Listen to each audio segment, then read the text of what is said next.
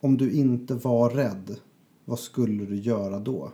Det öppnar sig så många dörrar när man släpper taget om vissa rädslor. Mm. Och man kan vara rädd på riktigt och det finns en relevans i att vara rädd när det är farligt. Mm. Men oftast är det ju inte det. Men vi begränsar oss som om att det vore farligt och då blir våra liv fattiga. Varmt välkommen till Drivhuspodden. En podd med syfte att lyfta och synliggöra entreprenörer som förebilder, inspiration och för att sprida kunskap. Jag som leder samtalen heter Katarina Skröder och jag är VD på Drivhuset i Uppsala. Vi arbetar för att fler unga och studenter ska få möjligheten att förverkliga sina drömmar genom att starta företag. Nu kör vi! Han är entreprenören som tar oss till nya höjder och låter oss upp, utforska Uppsala uppifrån. En kärnreaktor av energi och idéer som får vem som helst att vilja vara med. Vi säger varmt välkommen till entreprenören Jonathan Tigrar till Drivhuspodden idag. Välkommen! Tack så mycket. Eh, De flesta tror jag känner igen dig som den här lite eh, tokiga personen som har takvandringar och annat på taket av, av Uppsala slott. Men eh, jag har läst att du har över 15 års erfarenhet av höghöjdsarbeten. Stämmer det? Stämmer bra det. Ja. Hur kommer det sig? Det kommer väl sig av att man bara började med någonting som kändes kul. Jag var ju själv ganska rädd för höjden när jag var liten och det gjorde väl också att det blev en attraktion i det och att man drogs mot det som kändes lite läskigt. Och, eh, när jag jobbade i Gottsunda så jobbade jag mycket med ungdomarna där och jag märkte att man fick ett ganska häftigt resultat när man var uppe just ja, i träden eller på berg eller så. Och det gjorde att eh, vi använde det ganska mycket för att få resultat och få kommunikation med ungdomarna. Att utsätta dem för prövningar. Okej. Och på den vägen så byggde jag också min första höghöjdsbana. Som sedan ledde till att Kolmårdens djurpark hade sett den här banan och ville att jag skulle bygga en åt dem inne i djurparken. Och jag hade ju inte så mycket erfarenhet då men ja, jag sa ja för att jag brukar normalt sett säga ja när någon frågar. och då hade, fick jag ett jättestort jobb där inne.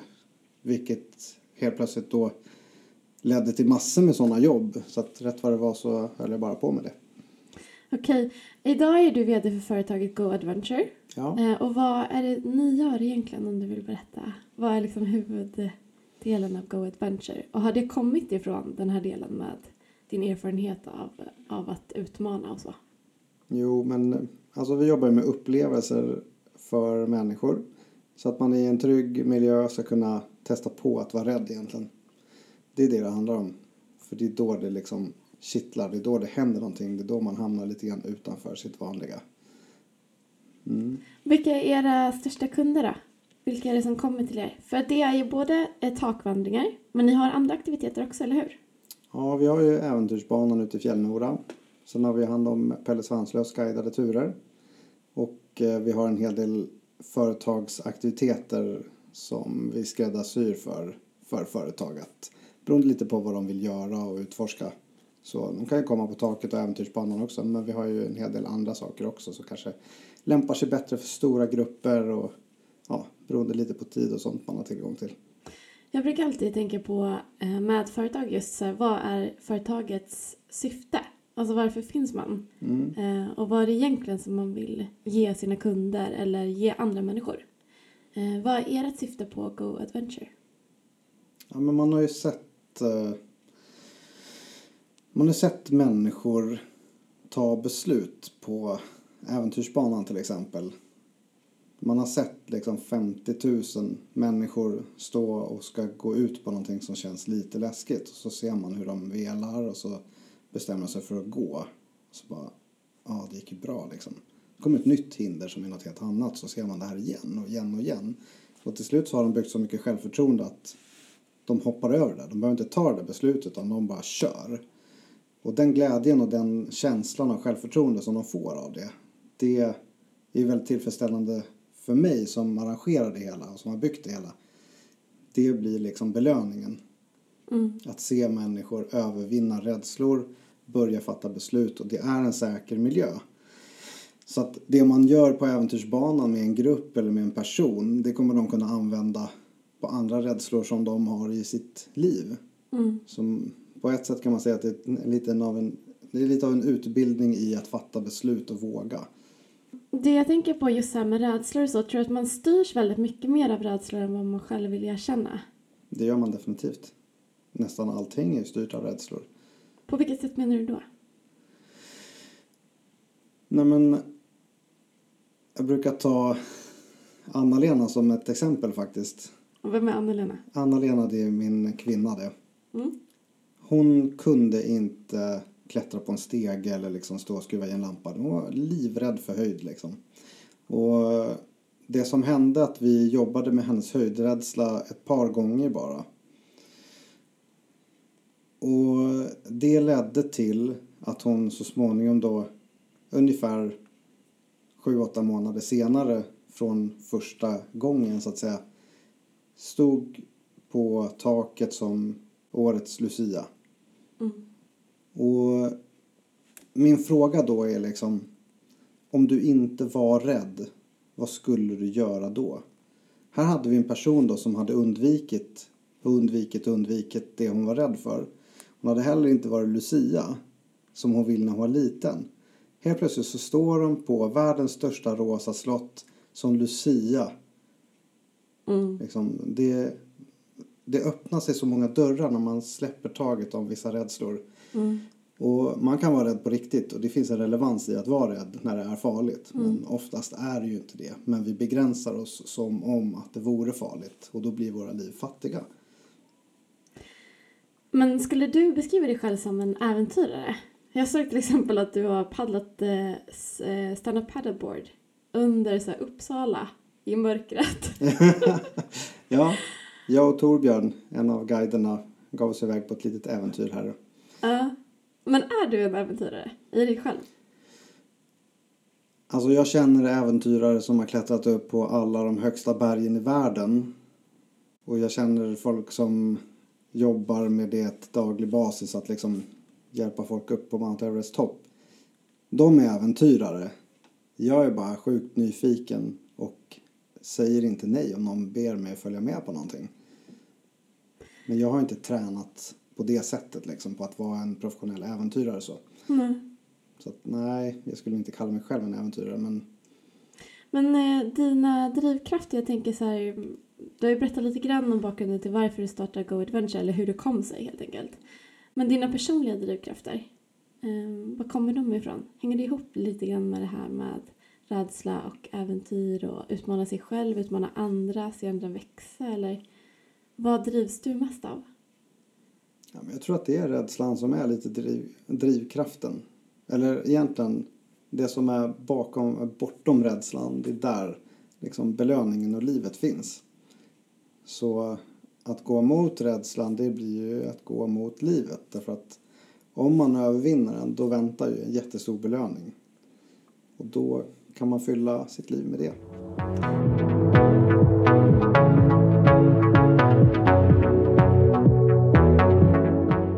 Men vill du berätta mer om ditt arbete i Gottsunda, alltså dina drivkrafter från innan eller vad du har gjort innan, innan du startade Go Adventure? Eller den resan? Alltså jag fick ju barn tidigt. Jag gjorde alla, allt som man kunde testa på tidigt. Det gjorde jag för att ja, så fort det öppnade sig en möjlighet att så här, ja, finns det där? Ja, men då vill jag prova. Så det vart ganska många testgrejer i början av eh, tonåren och sen, sen så när jag och min dåvarande tjej då var ganska unga, hon var ju bara 15 och jag var ju 17, Okej. så blev hon gravid. Och jag Mm. tyckte att så här, ja men det var väl en bra grej. Att få ett barn. Hon var inte En bra lika- grej. Hennes föräldrar var inte riktigt lika positiva kanske då. Men, men eh, det gick ganska bra. Eh, Vi flyttade till Uppsala från Stockholm då. Mm. Och då fick jag också jobb i Gottsunda. Eh, På socialtjänsten. Så det var så jag kom in i liksom den världen. Hur jag fick det jobbet är lite oklart. Men helt plötsligt var jag anställd på socialtjänsten och hade tjänstebil och tjänstetelefon. Det var ju fantastiskt när man var 18. Mm. Så, um, och min roll där var egentligen att jobba med ungdomskulturen. Att vara ute kvällar och helger och vara där ungdomarna var. Aktivera dem och se till att någonting händer med dem som inte är destruktivt. Okej. Så vi, eh, vi jobbade med olika jobb. Vi sopade parkeringsgarage och vi eh, tog dykcertifikat och liksom, de fick ju hela tiden jobba för att få grejer. Men där märkte jag också att jag kom lite grann till min rätt när jag kunde använda sånt som jag var intresserad av och min kännedom om vad aktiviteter och sånt kan göra med människor. Och lägga det på ungdomarna och få dem att fatta att det finns andra kickar än droger och kriminalitet. Mm. Eh, Så där jobbade jag fem år. Okej. Eh, Redan efter två år så byggde jag min första höghöjdsbana. För då tänkte jag så här, men det här kommer jag nog kunna göra bättre själv. Liksom. Socialtjänstens organisation var inte riktigt, passade inte min personlighet tror jag. Så att jag kände väl ganska snart att jag kommer inte vara kvar här så länge. Men det blev ändå fem år. Så ja, på den vägen var det. Mm.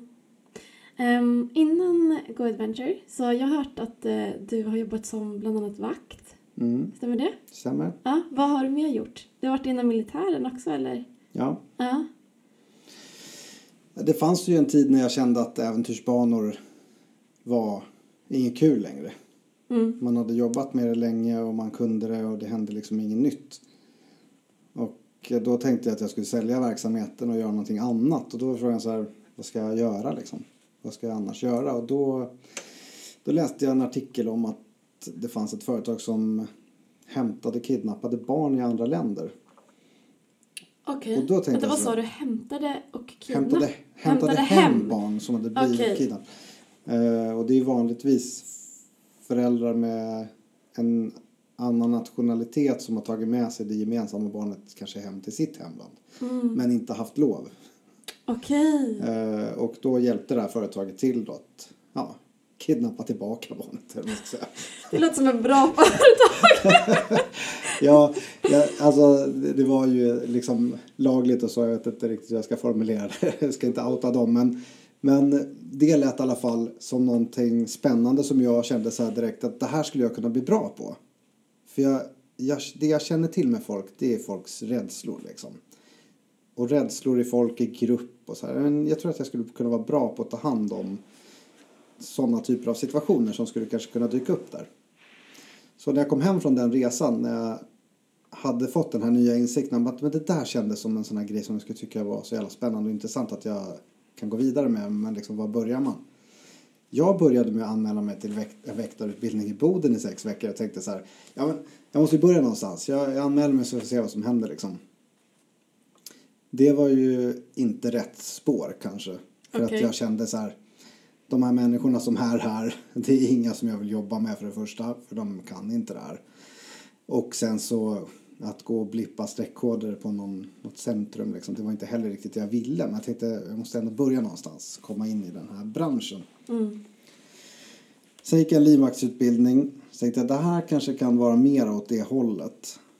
Livvaktsutbildning, det är någonting så här, är det svårt att komma in på en sån utbildning eller hur funkar det? Det är mest att det är jävligt dyrt. Kostar Det är typ det, 50 000. Oj, shit. Och den gav inte heller någonting. Så det var så här, nej, fan också. Okej, vi sågar alla de utbildningarna. Ja, men fan när man själv håller på med utbildning, man är helt kräsen också. Om man betalar mycket pengar så vill man ju liksom ha bra kvalitet. Och... Absolut. Så um, det som hände var väl egentligen att jag började fundera på vilka människor jag ville jobba med. Ja, det fanns en människa eh, som jobbade på ett hotell. Ett femstjärnigt hotell. Och eh, fan han skulle jag vilja jobba med. För han hade jag hört mycket gott om.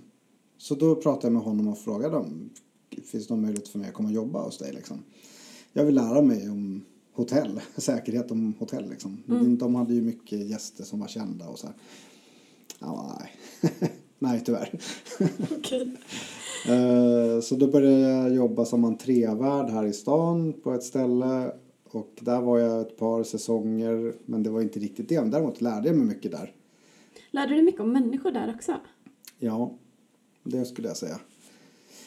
Jag, jag vart ju bara inkastad där. Stå här typ. Jag trodde jag skulle jobba med kollegor och sånt, men det var det inget snack om. Det var så här, Okej. lös problemet. Okej. Så jag fick lösa det på mitt eget sätt, vilket gjorde att jag också hittade liksom hur jag ville jobba. Så efter ett par säsonger där, då ringde jag honom igen och sa men nu har jag fan lärt mig bra grejer här. Du borde verkligen testa att använda mig. Så att då började jag jobba som ordningsvakt på det här hotellet. Och det var ju inte så roligt som jag hade tänkt mig. Så att efter tre månader kände jag bara så här, nej jag kan det här nu. Det, det är liksom inte min grej. Och, och det hotellet hörde till samma eh, samma företag som Café Opera. Då frågade de, kan du inte jobba på Café Opera istället? Det kanske passar dig bättre. Och när jag kom dit då kände jag bara så här, wow, det här var kul. Okej. Där hände det väldigt mycket grejer hela tiden. Man fick verkligen jobba liksom. På hotellet var det ju lugnt och det hände Mm. inte så mycket. Men här var det, hände det väldigt mycket och där kände jag att jag kom till min rätt på ett sätt. Men du måste ha haft jättemycket nytta för det också eh, i det jobbet och det som du driver idag. Alltså Ja, ta ut folk som har jättestora rädslor för att till exempel gå på höga höjder. Alltså det är ju inte... Då ska man vara både trygg och övertalande på något sätt. Jag vet inte, och förstå deras sida och... Så, Ja. Men Sen det finns ju en annan tillfredsställelse. Det är ju också att utbilda människor som inte kan det här. Men att få dem att kunna det väldigt snabbt. För guiderna som jobbar med själva grupperna nu. De måste ju lära sig det här fort liksom. Det finns ingen manual för hur man hanterar människor. Eh, oftast har de ingen erfarenhet innan de börjar. Men vi jobbar mycket med dem i början av säsongen och eh, efter ja, ungefär två månader då brukar de börja mogna liksom in i det och förstå på djupet hur man ska göra för att få någon att våga. Liksom. Och det är helt häftigt. Så många guider har jobbat många säsonger också. De är jätteduktiga på det. Otroligt häftigt. Det blir nästan som coacher. Ja, Jag var ju blir- själv där uppe och är ju lite höjdrädd själv. Och fick ju väldigt bra hjälp att ta mig framåt. Alltså jag Ja, kände mig så himla trygg. Verkligen imponerad över hur duktiga de guiderna var.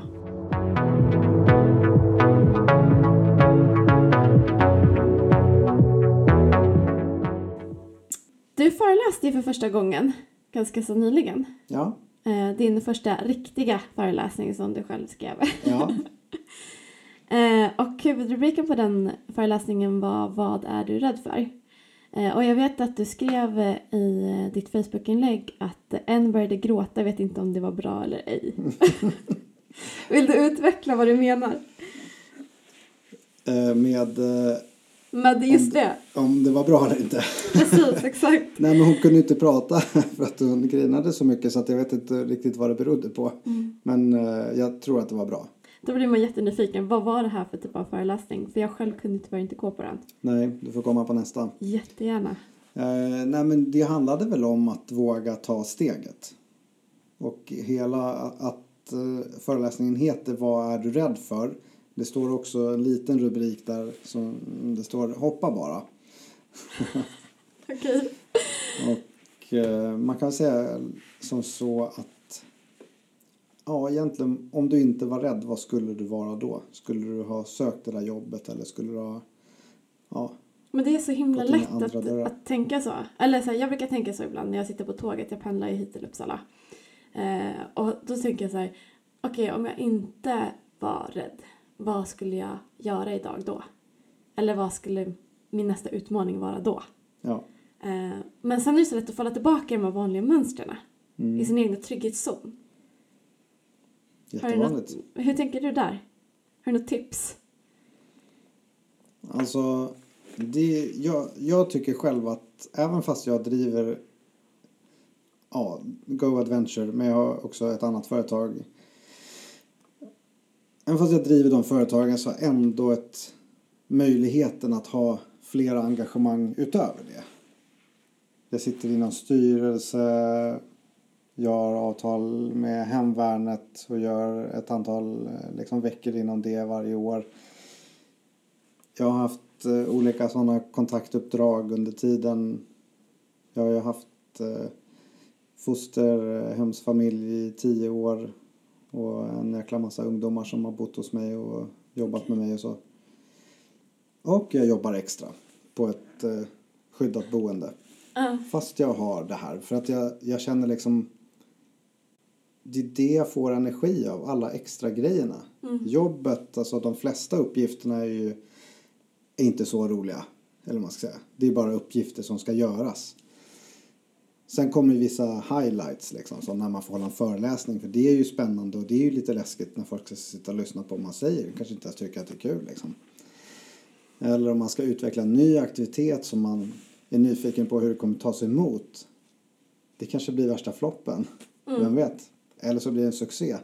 Men just den här känslan av att man inte vet vad som kommer hända när man släpper ut det. Det är ju det som är så himla häftigt. Och ju mer jag gör desto mer känner jag nästan att jag har tid med. Det, jag, jag ser människor som använder hälften av sin tid till att bara fundera på ska jag göra det där eller ska jag inte göra det där. Eh, Alltså, jag har inte den... Så ser inte min tanke ut. Det är så här, det där går att göra. Och sen börjar jag. Du är utnämnd till eh, väldigt många olika saker. Årets marknadsförare, Årets Kajsa Warg, Årets UF-rådgivare, Stora turistpriset har du fått och så vidare. Ehm, vad gör man egentligen för att få ta emot så många priser? Eller vad är din liksom nyckel till, ehm, till en framgångsrik marknadsföring? För jag vet att du har jobbat lite grann med marknadsföring, eller hur? Ja. I ditt bolag. Ja, såklart. Nej, men alltså egentligen, det är ju ganska enkelt. Ta vad som helst och sätt det på taket så blir det kul. det är typ det.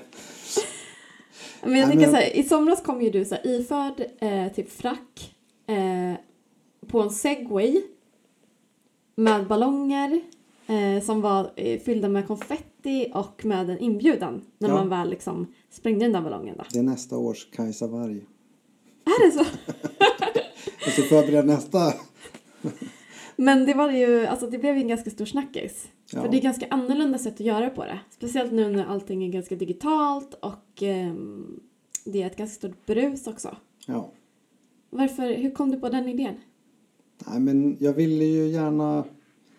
Alltså jag ville ju göra en, jag ville göra en invigning, det visste jag. Jag visste att, också att skicka ut ett kort, liksom, även om det är ett fint kort, till de människorna som jag ville skulle komma.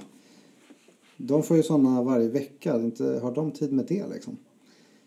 Så då måste man bjuda in personligt. Och visst, jag kan gå och besöka alla och säga hej, vill du komma på min invigning? Men det är ju inte heller riktigt tillräckligt. Så att det var väl så här, och det var väl mycket snack om hur vi skulle göra de här inbjudningarna. En idé var till exempel att frysa in biljetten i ett isblock och leverera det. Åh herregud. Ja. Så skulle det liksom smälta fram en sån här guldbiljett. Men eh, sen kanske det, jag vet inte hur lång tid det tar att smälta ett isblock men och sen ska vi förvara alla de här isblocken och transportera runt dem. Ja, det, det var liksom inte bra. Nej. Men, och vi hade många idéer men när vi kom på det här med ballonger, för ballonger det är ju liksom alltid roligt. Och konfetti är alltid kul och, och sen hade vi lite inspiration från Kalle och chokladfabriken med de här guldbiljetterna. Liksom. Man ska känna sig lite utvald och speciell. Mm. Vilket de var också. Men kostnaden för det här var ungefär 3000 kronor. Så det behövde inte kosta någonting. Däremot fick jag lägga mycket tid. Men jag gjorde det så fort jag hade lite tid över så drog jag på mig fracken och tog några ballonger och åkte ner på stan. Delade ut dem. Sen mot slutet då började det bli så nära inpå så att jag var ju tvungen att liksom söka upp eh, ställen där det fanns många som stod på listan. Mm. Och liksom stå utanför och ja, dela ut. Och sen de sista fick jag, jag tror att jag besökte 58 stycken eller något sånt. Mm. Och jag hade bjudit in 80 ungefär. Mm. Så att de sista fick jag skicka ut per post tyvärr. Ja, och det var det många som kom sen också. Det var 48 som kom. Jag tror verkligen att man känner sig, eller eh, liksom när man får den typen av inbjudan, det blir en helt annan mening med att faktiskt komma då också. På Ja. ett sätt. Det är lättare att bara tacka nej på ett men Facebook-event än vad det är när man har fått en personlig inbjudan från någon. Ja, verkligen. Och även fast folk har tackat ja så kommer de ju inte ändå. Nej, nej det vet För vi att det också. kostar, det kostar ingenting att inte komma. Nej. Men nu, alltså först fick man ju ett mail och sen så kom jag ju på besök och sen så fick man ju ytterligare ett mail inför då. Och sen så träffade man ju mig där också. Så att för mig så handlade det ju om att bygga relation i flera steg fram till invigningen. Nu känner jag att jag kan ringa vem som helst av de här som var på invigningen och säga hej det är jag liksom. Ska Alla- vi äta lunch? Ja, och alla får en närmare relation till dig. Liksom. Ja.